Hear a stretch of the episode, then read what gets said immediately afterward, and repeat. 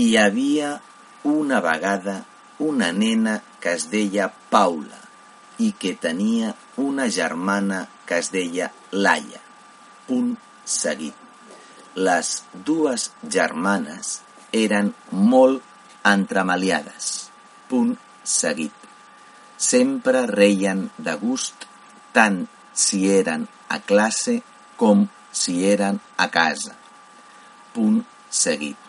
A tot arreu on anaven feien molt enrenou, coma, i en més d'una ocasió els havien hagut de cridar l'atenció.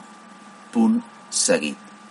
L'única persona que les entenia bé era la seva iaia.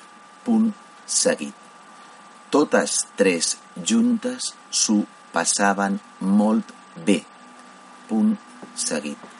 A les noies els agradava estar uns quants dies amb la iaia i això era el que feien a l'estiu.